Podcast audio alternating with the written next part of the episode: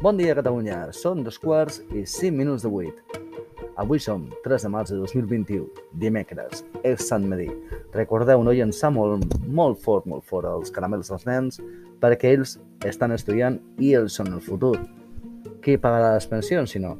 Sigueu benvinguts i benvingudes a aquest primer programa que es grava, com és habitual a la indústria, en rigorós directe dels estudis centrals de Tilburg, als Països Baixos. A la realització, producció, postproducció i altres mandengues vàries, Jordi Sanauja, que és també qui us parla. Ara sí, fetes les presentacions i saludar a tothom, comencem amb el que ens ocupa, que són les notícies del dia, bueno, del dia de la setmana. I com ja és habitual, hem de dedicar el primer lloc a l'univers Covid. Dic habitual perquè, bueno, és el que estem acostumats. De primera ens trobem amb el desgavell de dades entre la Generalitat i el Ministeri de Sanitat, que d'un dia per l'altre ha esborrat 72.000, si heu sentit bé, 72.000 contagiats del compte que portava la Generalitat. Aquest canvi arriba després de que el Ministeri notifiqués 2.662 nous afectats i 192 morts a les últimes 24 hores en tot l'estat espanyol. Seguim amb el bloc Covid.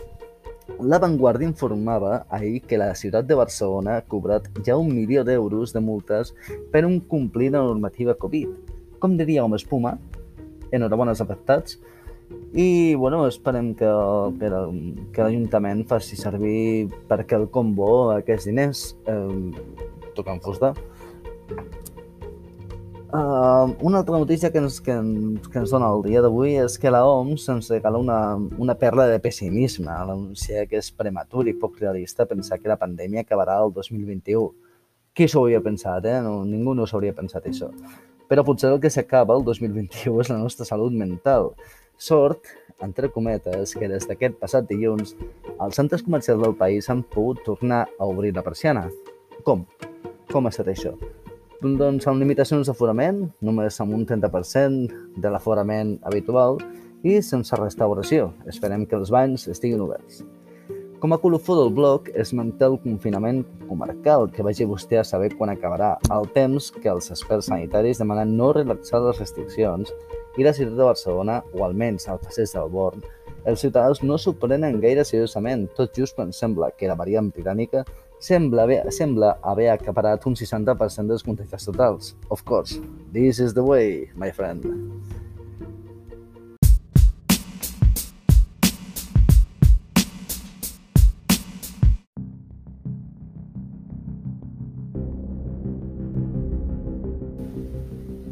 Seguim amb la crònica política.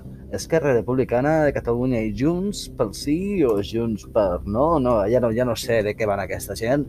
Segueixen en negociacions per formar govern i per aprofitar una victòria històrica, segons ja van avisar el mes passat. Està clar que les accions en protesta contra la detenció de Pablo Hasél no han ajudat a que la CUP, com a principi es podria pensar, donés un cop de mal investidura de Pere Aragonès com a president de la Generalitat. Però, ailes, que som ja el 3 de març i només 9 dies del límit per a la constitució del Parlament. Marta Viralta i Pere Aragonès semblen aprofitar fins a l'últim moment per trobar un acord amb els comuns, Junts i la CUP. Al mateix temps, el president del govern espanyol, Pedro Sánchez, posa preu simbòlic, és clar, a un, presumpte, a un presumpte suport del PSC a la investidura. Aquest preu és la CUP, esclar. Quina sorpresa, ningú no s'hauria pensat.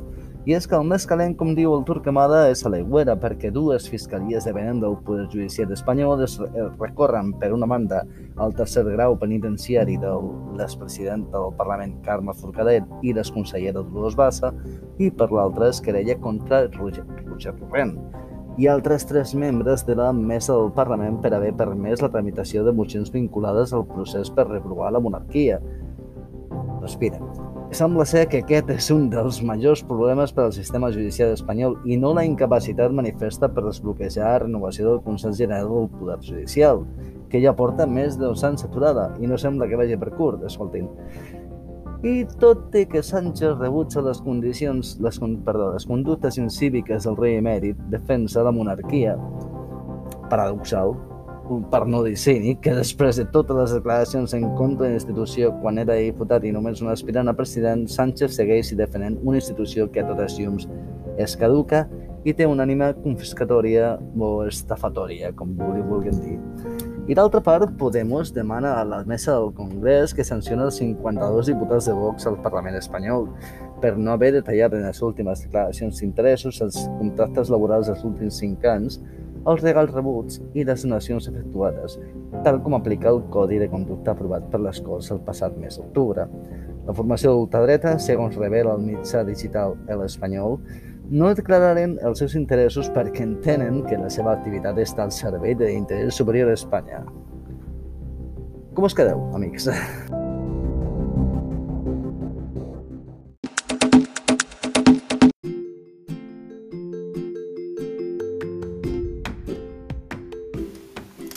Els esports. Sembla ser que l'anterior junta del Futbol Club Barcelona va fer de tot menys el que havia de fer, és a dir, guanyar títols.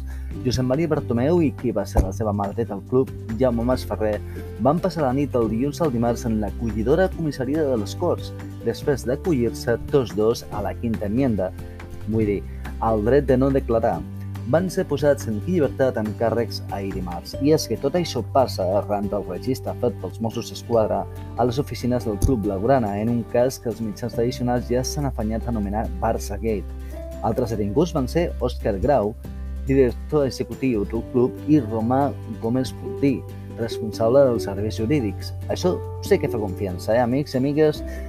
I és que l'escàndol neix arran de l'exclusiva que va oferir ser Catalunya al descobrir que l'equip directiu del club va contractar una empresa que creava continguts a les xarxes socials i a la pròpia web de l'empresa.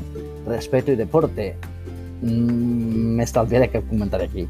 Per, per desprestigiar contraris i les seves crítiques en contra de la directiva. La jutgessa encarregada del cas, Ariadna Gil, prorroga el secret sumari per sisena vegada. Aquest cas porta des de fa més d'un any donant voltes i voltes i més voltes. Així doncs, tenim Barçaguet per estona, mentre per altra banda l'equip sembla fixar-se en l'últim i únic projecte d'aquest any, la Lliga, bé, i la Copa del Rei, tan bon punt pugui remuntar el Sevilla aquesta nit, ja que el partit d'anada va guanyar amb un 2 a 0 a, a favor dels sevillans. I és que sempre ens quedarà el final de bàsquet, perquè ahir el Barça es va poder impulsar el darrer quart contra el Panathinaikos grec en camp contrari. Panathinaikos 77, Barça 85. Esperem que quan arribi Gasol ja sigui la repera això. I en un altre pla, el comitè organitzador de Tòquio 2020-2021 ja ha incorporat 12 dones eh, després de que el president del comitè, Yoshiro Mori, hagués dimitit al saber-se uns comentaris masclistes eh, dits per ell mateix. I això és una bona notícia per al món de l'esport i una mala per al món del masclisme, que com veiem aquí no té fronteres malauradament. I d'aquesta manera les dones representaran un 42% dels directius del comitè. Ja per acabar, uh, i acabem amb la Lliga Espanyola, els àrbitres de la Lliga només reconeixen tres errors del bar aquesta temporada. Perfecte. Segons informa Mundo Deportivo, tot i el que portem de lliga, el VAR no va intervenir en tres ocasions en les que sí va haver de fer-ho. Ho enteneu? Jo tampoc, val a dir.